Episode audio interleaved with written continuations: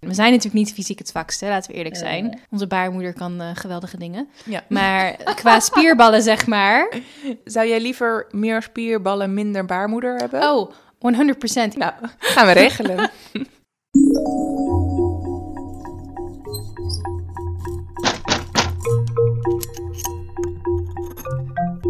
Al sla je me dood. Wie heeft er wat spannends meegemaakt? Nou, vorige aflevering, of eigenlijk twee afleveringen terug, ging natuurlijk over die vrouw die zomaar super willekeurig mensen op straat ging aanvallen. Ja, En toen dacht ik, nou ja, dat overkomt je niet echt. Zeg maar, dat kan eigenlijk niet. Dat gebeurt alleen in films. Dat dacht ik. ja het is niet een super reële kans als je over straat loopt. Maar Afkloppen. toen kregen we een verhaal van een luisteraar. Oh nee, wat dan? Wat er gebeurde, was dat zij in ongeveer de week voordat er corona was.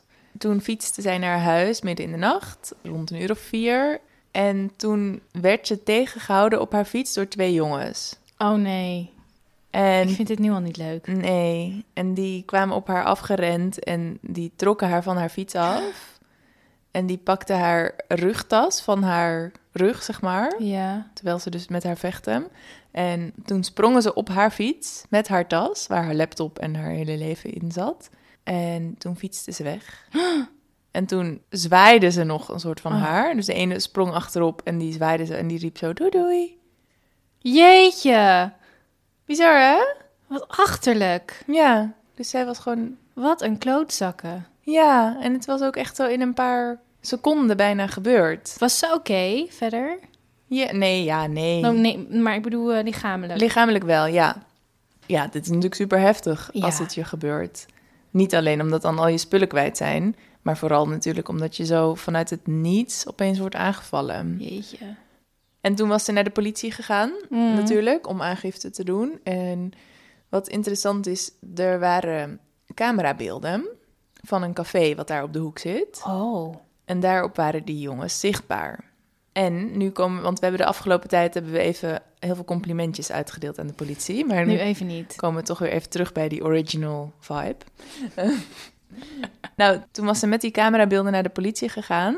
En daar had een agent gezegd: Oh ja, ik weet wel wie dit is. En het was ook, een van die jongens was ook soort heel herkenbaar, omdat hij een bepaalde tatoeage had. Oké. Maar, maar toen zei ze: Ja, we hebben gewoon geen tijd.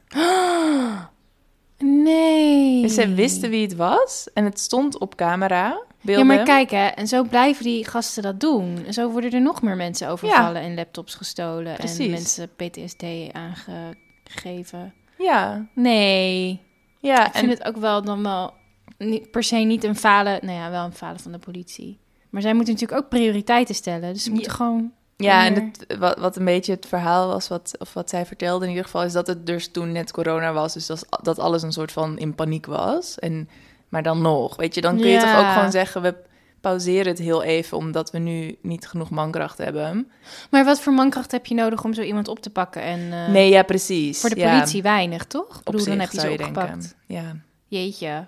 Stom, hè? Ja, ik, heb, ik moet wel heel eerlijk zeggen. Ik ben niet zo'n. eh, nou ja, ik, ik deel gedeeltelijk jouw vibe en gedeeltelijk ook niet. Maar ik heb wel altijd het gevoel dat tenzij je echt half vermoord in de straat ligt, je niet echt bij de politie terecht kan voor iets. Ja. Dus ik zou, ja, ik zou mijn spullen. Als er mij iets gejat werd, zou ik het opgeven voor de verzekering. Maar niet omdat ik de verwachting heb dat iemand daar iets aan gaat doen. Ook Ja. verder. Of als er iets gebeurt. Ja, kut, hè? Wat een vervelend verhaal. Ja, ik vond het echt heel zielig. Ja, en ze durfde dus ook toen een tijdje niet zo goed in haar huis te blijven, omdat, omdat ze natuurlijk die sleutelbos had aan haar fiets. Oh nee. Dus Had ze wel de sloten veranderd? Ja, denk ik later Ja. dan, maar die, zeg maar die eerste paar dagen of zo durft. Maar goed, ja, die inbrekers zijn natuurlijk helemaal niet geïnteresseerd in haar huis. Dat hadden ze bij de politie nog wel ook tegen haar gezegd, dat de type misdadigers die op deze manier je tas afpakt en je fiets, dat zijn niet de type misdadigers die dan heel slim zo helemaal gaan tracken waar je woont en dan bij je gaan inbreken. Ja, oké, maar toch. ehm, ik zou er niet helemaal van op aandurven. Ja, ja. Toch? Ik zou niet helemaal dat, dat zeg maar... En wat die ehm, agenten, die, waarbij ze die aangifte deed, geloof ik, ook nog had gezegd, was dat ze zei, ja, als er twee mensen je aanvallen, dan eigenlijk ben je gewoon weerloos. Want zelfs ik, en zij had allemaal trainingen in vechtsporten en zo. Zelfs ik zou dan ze niet aankunnen, had die agenten gezegd. Dus dat eh, Top. niet echt hoopgevend ook. Want ik wilde nog als tip ook gaan zeggen dat je een vechtsport moet beoefenen. Of dat hebben we vast ook wel eens gezegd. Maar dat eh, blijkt dus ook al niet meer een goede tip. Ja. Nou, Mm. Ehm, ga, zal ik jou eens een verhaal vertellen? Vandaag. Of Nou. zult u hier maar bij laten en eh sangriaatje gaan drinken of zo? nee, ja, nee, vertel me een verhaal alsjeblieft. Nou, ik heb een verhaal voor je. Ik vond het zelf een moeilijk verhaal, moet ik Oh. heel eerlijk zeggen. Ik werd wel heel erg verdrietig ervan. Dus moeilijk als in emotioneel of moeilijk om te begrijpen? Beide, beide. Het, is een Oh. beetje... Ik heb het een... Het heet nu, working title is een moord. Maar ik had ook zoiets van, ik kan ook zinloos geweld schrijven of zo. Hmm, moet ik een wodkaatje opentrekken? Ja, doe maar.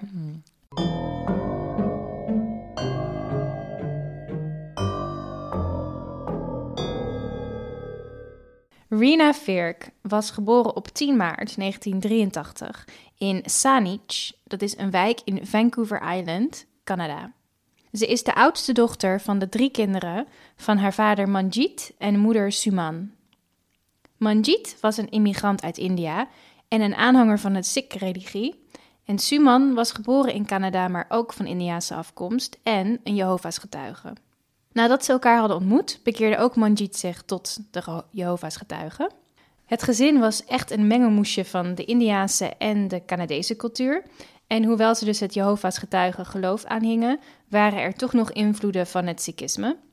Het was een bijzonder en tikkeltje excentriek gezin, maar heel erg hecht. Als kind was Rena haar vaders oogappeltje. Hij was echt gek op zijn oudste dochter. Ze was goedlachs, energiek en super sociaal en echt gek op andere kinderen. Rena had het echter moeilijk op school. Ze werd altijd al gepest door haar klasgenoten, maar naarmate ze ouder werd, ging het pesten steeds verder en begon ze het zelf ook erger te vinden. Zielig. Rena viel namelijk op en werd gepest om haar uiterlijk. Zij was bruin in een voornamelijk witte buurt en school. Ze was een stuk groter dan de andere kinderen en ze werd ook nog eens gelovig opgevoed. Ze werd door leeftijdsgenoten lelijk genoemd en haar bijnamen waren Het Beest en The Bearded Lady, omdat ze dus een beetje gezichtshaar had. Omdat ze dan Indiaas is. Ja, Ja, zo stom meteen al. Ja, en er waren ook verschillende racistische opmerkingen die ze gedurende zo'n schooldag naar haar hoofd kreeg. En hoewel ze voor de buitenwereld en op school heel stoer deed en deed alsof het haar eigenlijk niks kon schelen, liet ze thuis alle emoties gaan en zat ze helemaal in de knoop. Nou, de buurt waar de Vierk-familie woonde was een vrij ruige buurt. Er was veel criminaliteit en dakloosheid en vooral onder de jongeren en ook onder de schoolgenoten van Rena. Waar haar andere klasgenoten, zeg maar, wiet rookten en hele nachten in het park feestjes hielden. En vele van hun zaten ook al in de pleegzorg. Moest Rena van haar ouders gewoon om negen uur 's avonds thuis zijn. En daardoor viel ze nog meer buiten de groep. Om erbij te horen begon Rena zich ook meer te gedragen, zoals deze jongeren. Het is inmiddels 1997. Ze is 14 jaar. En ze droeg echt van die, ja, van die jaren 90 stijl, van die baggy broeken met oversized shirts en bandana's en zo. Ze begon zich te verzetten tegen haar ouders, die haar gewoon goed in de gaten hielden en netjes probeerden op te voeden. Maar ze wilde zo graag geaccepteerd worden door haar schoolgenoten en ze had het gevoel dat haar ouders haar daarin tegenhielden. Haar ouders op hun beurt hadden het vermoeden dat Rena misschien depressief aan het worden was en ze wilden haar daarom juist bij die pestende jongen weghouden.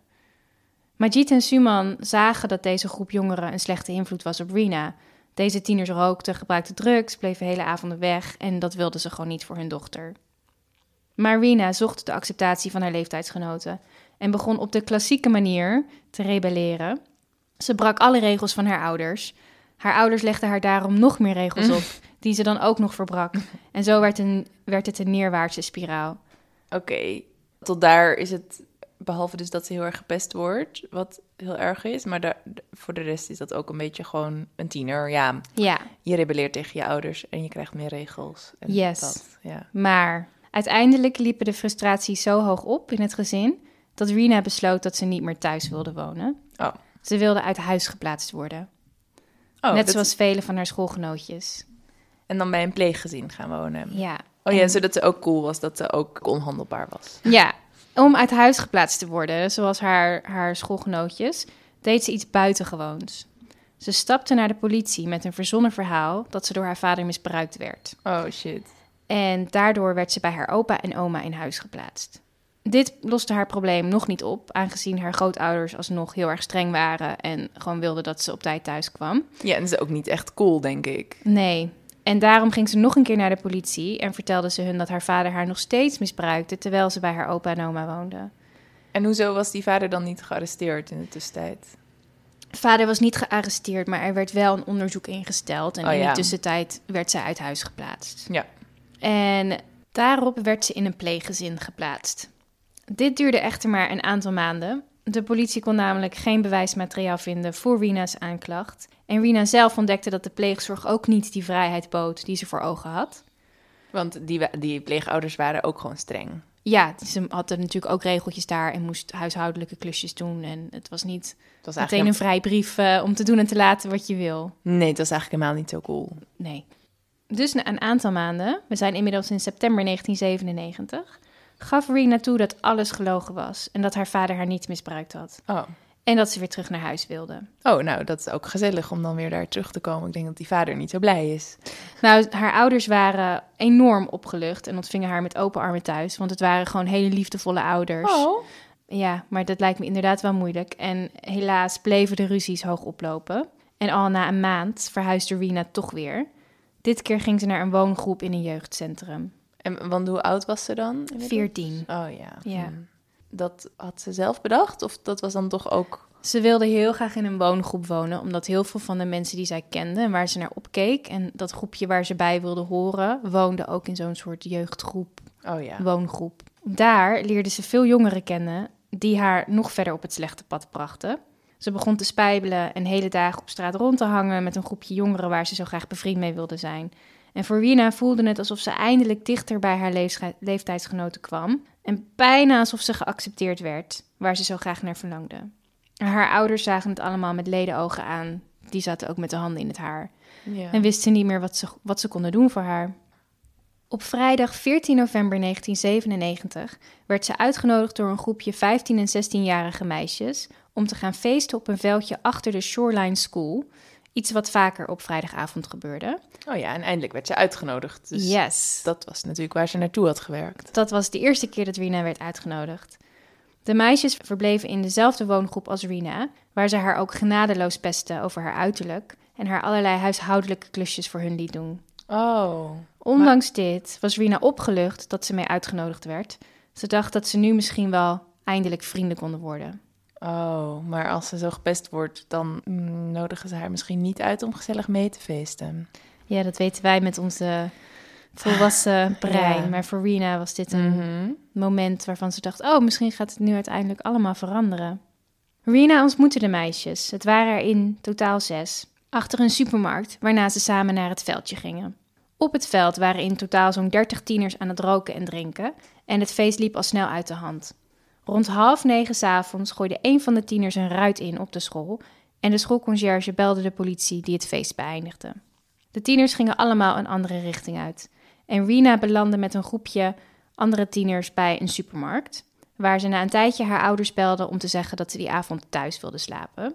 Oh. Haar oudershuis was immers vlakbij.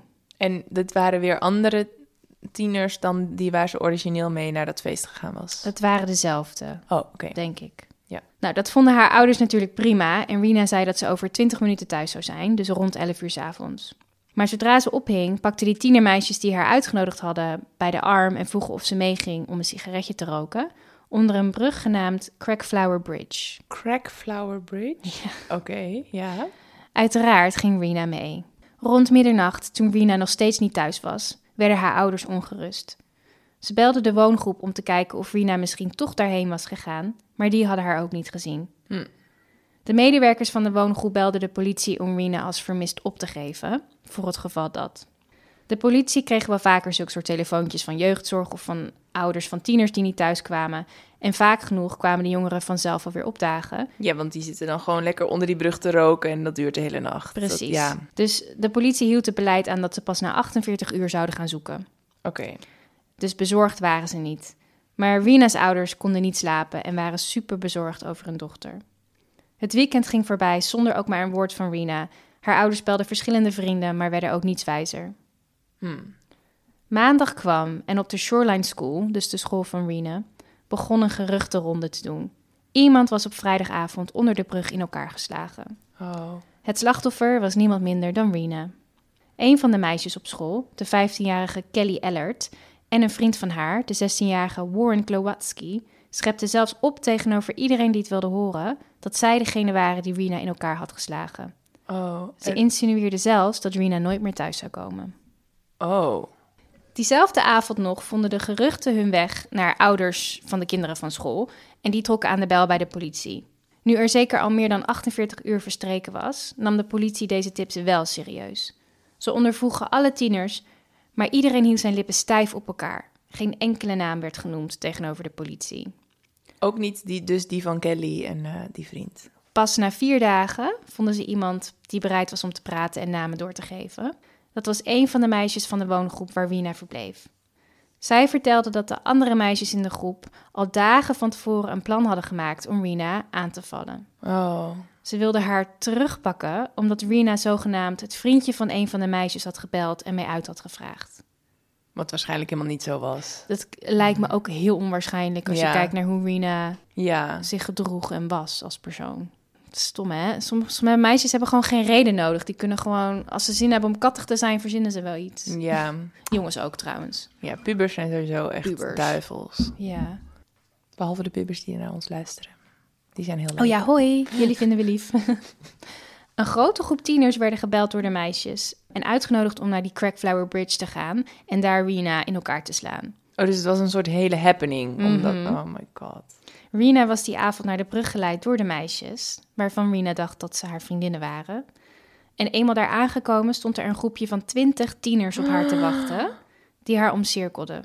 Wow. Eén meisje, genaamd Nicole Cook, viel Rina als eerste aan en duwde haar sigaret uit op haar gezicht.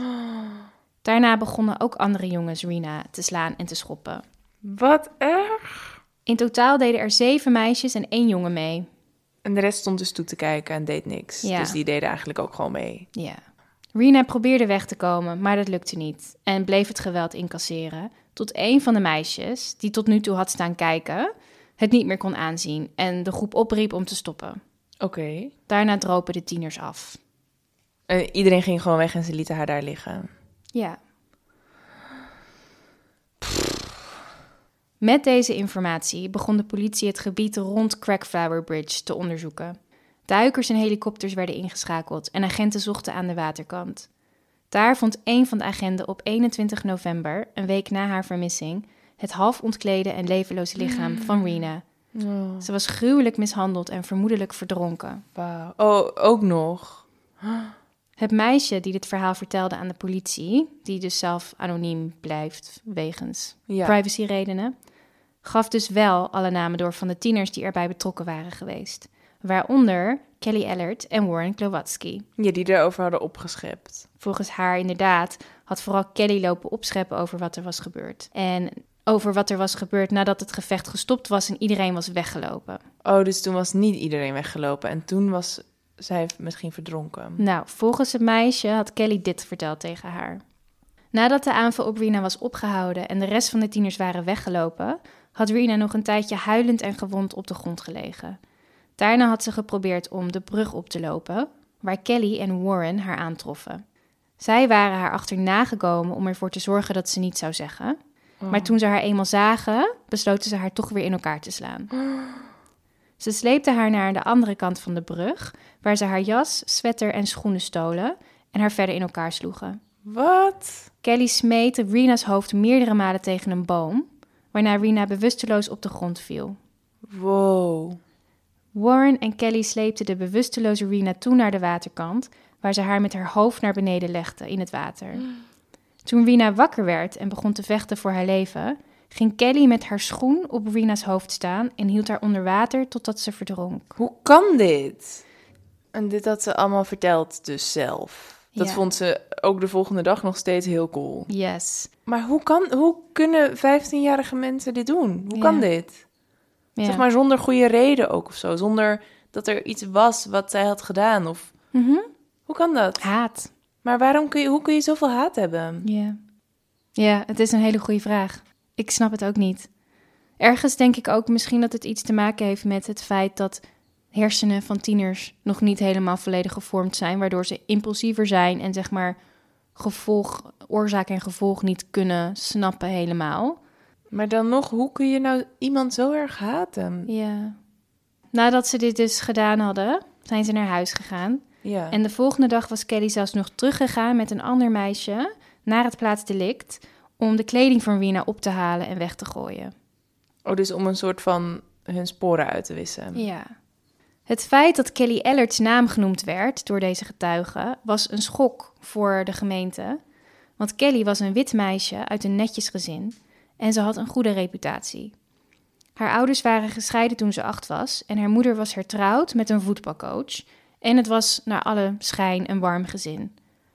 Volgens haar familie was Kelly een goed meisje die altijd op tijd thuis kwam en van dieren hield. Dus zij zat niet eens in die, in die woongroep Nee. of in een pleeggezin of zoiets. Nee, maar op school was Kelly een heel ander verhaal.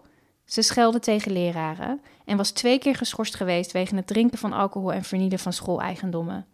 Haar klasgenoten noemden haar een sociopaat. Oh. Dit was niet de eerste keer dat Kelly een klasgenoot had mishandeld. Ze had al eerder iemand bedreigd met een mes en bij een ander klasgenootje had ze geprobeerd haar haar in de fik te steken. Oké. Voor beide daden was ze niet gestraft. Warren kwam uit een ander milieu. Zijn moeder was alcoholist en had het gezin verlaten en hij woonde samen met zijn vader in een woonwagenkamp in Saanich. Hij maakte deel uit van de lokale versie van de Crips straatgang, weet je wel, die be- bekende LA-gang. Ja. In de zomer van 1997, dus een aantal maanden voor de aanval op Rena, kondigde zijn vader aan dat hij naar Californië ging verhuizen met zijn nieuwe vrouw. Warren wilde bij zijn vriendinnetje blijven in Saanich, dus hij bleef in zijn eentje in de woonwagen wonen. Hij was Oh ja. 16. Wauw. Zijn vader stuurde hem maandelijks geld en de moeder van zijn vriendinnetje maakte af en toe eten voor hem en deed zijn was. Voor de fatale avond had Warren Rena nog nooit ontmoet. Dit, wow. Oké. En, en trouwens, en die andere, dat meisje, die, die kende, Kende haar ook niet goed, alleen van maar school. van school, ja. Kelly Ellert en Warren Klowatsky werden opgepakt en aangeklaagd voor doodslag. Daarnaast werden er nog zes meisjes opgepakt en aangeklaagd voor zware mishandeling. Deze meisjes zijn anoniem gebleven, maar ze werden in de pers de Shoreline Six genoemd. En is, is, is dat dat groepje misschien die haar had meegenomen? Die het allemaal bedacht had en Ja. haar in elkaar geslagen Ja. had. Uit een autopsie bleek dat de verwondingen die Rena had opgelopen tijdens de mishandeling zo ernstig waren dat ze interne bloedingen had, waaronder in haar hersenen. Wow. Hoewel ze officieel door verdrinking om het leven was gekomen, had ze waarschijnlijk de mishandeling sowieso niet overleefd, aangezien de enorme aantal verwondingen en bloedingen die ze had. Alle zesde meisjes werden veroordeeld voor de mishandeling op Rena en ze kregen uiteenlopende straffen van 60 dagen voorwaardelijk tot één jaar gevangenisstraf. Dat is niks. Nee, maar het zijn wel kinderen en ze Ja. werden wel volgens de jeugdwet, zeg maar. Ja. Ja. Sorry, maar dan nog. Ik denk ook dat het misschien ook afhankelijk was van in hoeverre hun aandeel in die verwondingen waren. Zeg maar dat de 61 dagen kreeg omdat ze misschien alleen die peuk had uitgedrukt. Ja, precies. En de ander een ja. jaar omdat ze gewoon echt had geslagen en geschopt. Ja. Nou, zowel Kelly als Warren die werden als volwassenen berecht, waardoor ze dus hogere straffen konden krijgen. Want, maar ze waren niet volwassen. Nee, ze waren 15 en 16. Maar omdat het zo ernstig de delict was. Ja. Op april 1999 begon het proces tegen de 16-jarige Warren en hij werd veroordeeld tot een levenslange gevangenisstraf met mogelijkheid op voorwaardelijke vrijlating na zeven jaar. Dus levenslang, maar minimum zeven jaar. Ja, Hij werd direct overgeplaatst naar een volwassen gevangenis. ook Hij was toen heftig. net ze- 18, denk ik. En hoe snel dit proces verliep, hoe moeilijk het was om Kelly Ellert te veroordelen. Hoewel ze de dagen voor haar arrest tegen iedereen die maar wilde horen vertelde hoe ze had vermoord, hield ze haar lippen stijf op elkaar in de rechtbank en pleitte ze onschuldig te zijn. Ze gaf toe dat ze Rena had geslagen, maar beweerde dat ze niet haar hoofd onder water had gehouden en haar had verdronken. Tijdens haar proces, dat pas in 2000 van start ging, deed ze zich voor als het perfecte schoolmeisje. Nee, oh nee. Oh nee. Maar er kwamen ook verschillende getuigen naar voren die verklaarden dat Kelly de dagen na de moord op Rena had gezegd dat ze blij was dat ze dood was. En ze had zelfs nog grapjes gemaakt over het lichaamshaar van Rena. Nou, Maar er was ik- natuurlijk gewoon genoeg bewijsmateriaal, laten we eerlijk zijn. Mensen hadden haar gewoon gezien, ze had het verteld. Ja, maar ik ben zo bang dat het nu toch niet genoeg is. Ja. Op 2 maart 2000 kreeg ze haar eerste veroordeling. Een jury achtte haar schuldig aan moord zonder voorbedachte raden, dus doodslag is dat bij ons. De rechter gaf haar de minimumstraf. En dat is levenslang met voorwaardelijke vrijlating na vijf jaar. Dus vijf jaar zou ze moeten zitten. Waar? De rechter zei zelfs tijdens de veroordeling dat Kelly zo'n lief meisje was. What the fuck? Die duidelijk uit een net gezin kwam en zo van dieren hield. Jezus Christus. Ja. Als je haar gezicht ook ziet, ik zou ook wel foto's op Instagram plaatsen. Dat ziet er niet uit als een lief netjes meisje hoor. Sorry, het ziet eruit als een demon. Ja, en dan nog, ik bedoel, jij, ik kan me ook voordoen als een heel lief en net meisje.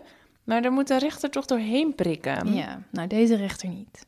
In februari 2003 werd er echter in hoger beroep besloten dat er een nieuw proces moest komen. Tijdens het eerste proces had de officier van justitie tijdens zijn verhoor van Kelly 18 keer aan haar gevraagd waarom andere mensen zouden liegen, omdat Kelly dus alles ontkende. Ja. En door het feit dat hij dit zo vaak gevraagd had, dat zou ertoe hebben geleid, volgens het hoger beroep, dat Kelly geen eerlijk proces had gekregen. Huh? Oh. Ja. Oh nee, word Ik- je niet nog vrijgesproken? Ik denk dat het een, een soort van ehm, kleine soort van misstap is dat je misschien een vraag niet meer dan zoveel keer mag, mag stellen. Ja, en dan had hij dat vaker gedaan of Ja. zo. Nou, Kelly werd vrijgelaten en mocht haar nieuwe proces in vrijheid afwachten. Hè?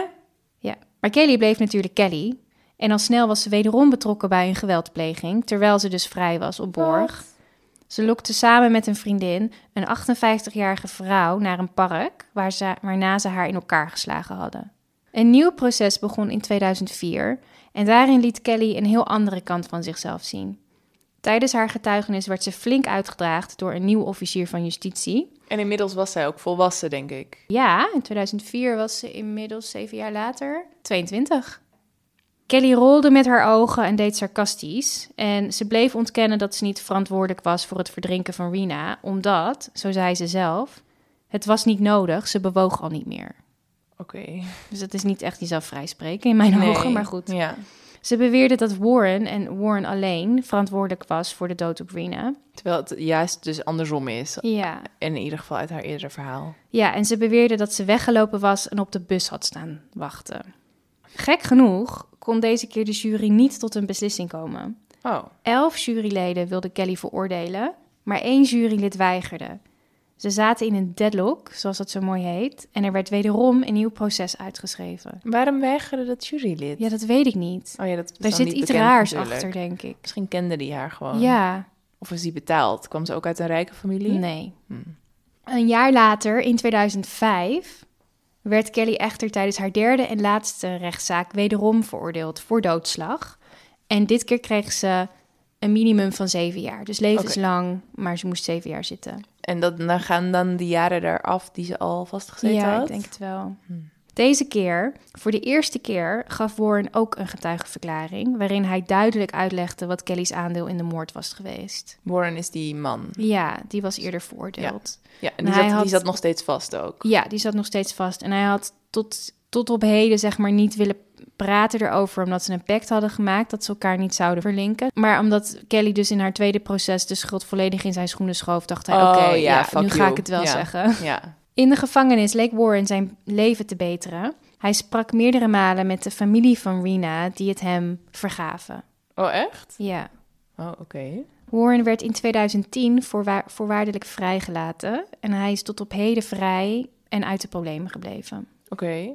En wat was zijn verhaal over die avond? Nou, hij had er voornamelijk heel veel spijt van. Ik denk dat hij, wat hij vertelde, is dat hij, dat hij er dus spijt van had en dat hij de gevolgen, zeg maar, inzag. Maar wat vertelde hij over het aandeel van Kelly? Nou, wat ik dus verteld had, dat zij degene was die Rena's hoofd tegen een boom had gegooid en haar voet op haar hoofd had gezet en had verdronken. Ja, oké. Ja. Kijk, hij was natuurlijk medeplichtig, maar hij had niet zelf die moord gepleegd. Hij had alleen haar zwaar mishandeld. Kelly die was in de gevangenis eh, allereerst net zo'n sociopaat als dat ze daarbuiten was. Ze kreeg een drugsprobleem en was ernstig verslaafd aan crystal meth. Had vaak ruzie, was betrokken bij gevechten en ging in het algemeen op dezelfde voet verder met haar leven. Gevangenisbewaarders vonden regelmatig van die shanks in haar, cel, in haar cel. Dus van die zelfgemaakte messen uit tandenborstels en zo. In 2016, toen ze 33 was, raakte Kelly echter zwanger van haar vriend. Ook een voormalig crimineel en ganglid. En toen nog steeds zat ze in de gevangenis. Ja, nou in Canada mogen dus gevangenen echtelijke bezoeken ontvangen. Dus waarbij ze dus intiem mogen zijn met hun partners. En op die manier was Kelly zwanger geraakt. Eenmaal zwanger beterde ze haar leven. Ze raakte clean en ze bleef uit de problemen. En ze mocht toen zelfs regelmatig op dagverlof om naar doktersafspraken te gaan. In 2020 kreeg ze een tweede kind van deze man en mocht ze ook volledig vrijgelaten worden. Hoezo? Omdat Ja. ze een kind heeft. Ja, nou ja, ze mocht natuurlijk na zeven jaar, kon ze voorwaardelijk vrijkomen. En in 2020 werd dat haar gegund. Oké. Dus ze is vrij en ze leeft met haar twee kinderen en haar partner in Canada. En ze heeft haar naam veranderd naar Kelly Marie Sim. Zodat ze niet eh, gevonden wordt als ze gaat solliciteren. Ja. ja. Rena's ouders probeerden hun leven op te pakken en de tragische dood van hun dochter te gebruiken om de mentaliteit onder jongeren te veranderen. Rena's vader Manjeet schreef een boek over zijn dochter. Het boek heet Rena. Waarin hij ook schreef dat hij blij was dat Warren zijn leven had kunnen beteren. En dat er op die manier toch iets goeds voort was gekomen uit de dood van hun dochter. Wauw, dat is wel echt heel groot, als je dat kan zeggen. Ja. Manjit en Suman richten ook een stichting op tegen pesten. Ze vertelden het verhaal van hun dochter op scholen om zo meer aandacht voor de gevolgen van pesten te krijgen. En richten anti-geweldtrainingen en workshops op. Wat goed. In 2018 stierf Suman onverwacht op 58-jarige leeftijd. Kelly had overigens nooit haar schuld bekend. Ze bleef ontkennen dat ze Rena had verdronken. En ze had nooit haar excuses aangeboden aan de ouders van Rena. Nou ja. Deze zaak werd destijds zeg maar, door de media en door het recht behandeld als een pestzaak. Pestende meisjes die te ver gingen. Mhm. En het ging voornamelijk ook over de schok dat zo'n wit net meisje zo'n gruwelijke daad kon plegen. Alsof je niet gruwelijk kan zijn omdat je wit bent. Ja.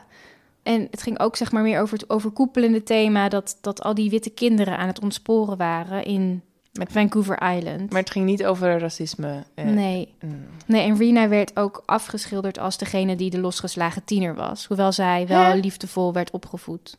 En in recente jaren wordt er natuurlijk steeds meer over deze zaak gedacht in de vormen van racisme. Ik bedoel, Rena was een van de weinige bruine kinderen. En hoewel er meer kinderen van kleur mee hadden gedaan aan haar mishandeling, was ze uiteindelijk vermoord door twee witte tieners. Ja. En het was ook geen geheim dat veel van haar ge- gepest een racistische toon had gehad. ja. En dat werd dus ook gewoon niet als zodanig erkend, waardoor het ook alleen maar verder kon woekeren. Ja. Ja, want ik zat ook nog te denken, misschien was het gewoon als het nu zou gebeuren, zouden we dit haatgeweld noemen. Ja, denk ik ook.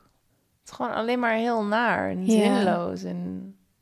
Die, die hele racisme-factor heeft ze ook helemaal niet meegewogen in dat proces. Nee. Wat ik ook best wel raar vind. Want dat is natuurlijk ook onderdeel van een groter maatschappelijk breed probleem. Ja, absoluut. Waar dit gewoon een uiting van is. En wat ook gevoed is in dat witte meisje. Door allerlei dingen die ze, die ze elke dag ziet en tegenkomt. Ja. De bedoel, ze heeft ook niet zelf verzonnen dat, dat ze mensen met een andere huidskleur stom vindt. Ja, er is ook een boek dat heet Rena Ferg, Critical Perspectives on a Canadian Murder. Door Mithili Rajiva en Sheila Bhattacharya. Die dus inderdaad ook op deze manier naar de zaak kijken. Ja, een lens van racisme erop, zeg maar. Ja, Ik heb echt jouw hele zonnige attitude van net helemaal gewoon eruit gebeukt met mijn gruwelverhaal. ja. Zullen we de volgende keer een podcast maken over, Over leuke vrolijke dingen. ja, regenbogen, Ja, unicorns. unicorns? Bloemetjes. Ja. Ja. De grote wat moet je doen als je bijna vermoord wordt tip. Kaboing. Blijf uit de buurt van criminelen. Ja, Dat was de tip. Ja, nee, Nee, maar dat is wel een ja. Als je bijvoorbeeld, eh, weet ik veel, een vriend hebt die dan een beetje dealt aan de kant of zo. Nee, nee, Nee, gewoon inderdaad heel strikt dat scheiden. ja, En niet toch een beetje... Want het kan natuurlijk ook best wel een beetje interessant zijn... als iemand een beetje half crimineel is of uit huis geplaatst is. als je zelf 15 bent. Ik snap heel goed dat het ook gewoon heel spannend kan zijn als je iemand een beetje kent die dan met andere criminelen omgaat. En dat het allemaal heel spannende verhalen zijn. Ja, Maar dat, bewaar dat gewoon even voor in je oren tijdens deze podcast. Dat soort spannende verhalen. Maar ga het niet zelf doen. nee, absoluut. Nee, want als je ook zeg maar, ook al heeft iemand soort van halve criminele connecties, het, het vergroot je kans om vermoord te worden gewoon. Ja. Significant. Dat denk Dus ik ook. blijf erbij uit de buurt. Je kan ook in een bubbel gaan wonen en dan ben je ook veilig. In een zeepbel. Ja. Nee, een zeepbel niet, want die is te fragiel. Die kan dan weer kapot gemaakt worden. Ik las een keer iets over een jongetje die in een bubbel had gewoond zijn hele leven. Omdat hij een bepaalde ziekte had. Dat als er dan maar één bacterie zijn lichaam in zou komen, dan zou die eigenlijk meteen doodgaan. En toen heeft hij, ik weet niet hoe oud hij is geworden, niet echt heel oud, maar misschien wel twintig of zo, weet even niet. Maar toen heeft hij zijn hele leven in een soort eh, plastic bubbel geleefd. Maar die jongen ging ook dood uiteindelijk. Dus ja. Ja. maar ja, uiteindelijk gaan we allemaal dood. ja. Als je kan kiezen, dan liever later dan eerder, toch? Ja, dat is een beetje het punt natuurlijk. Ja. Nog eventjes wat administratie. Ja, ga naar onze Petje Af pagina. Je kunt detective worden daar. Dat is petje.af slash als sla je me rood. En daar hebben we ook deze week weer eh, allemaal nieuwe detectives. Ja, onze nieuwe detectives zijn... Vera, Ferouz, Tineke, Daniel, Joyce, Kim en Katelijne. En verder hebben we natuurlijk ook Instagram en Facebook. En eh, kun je ons volgen op Spotify. En krijg je een melding wanneer we een nieuwe aflevering gepost hebben. Dat is elke vrijdag om 1 uur in de nacht. Dus dan kun je ook gewoon je wekker op gelijk zetten of zo. Ja, verbaast me dat niet iedereen dat doet, maar Verbaast me ook enorm. super. Eh, ja, tot volgende week. Doei! Doei!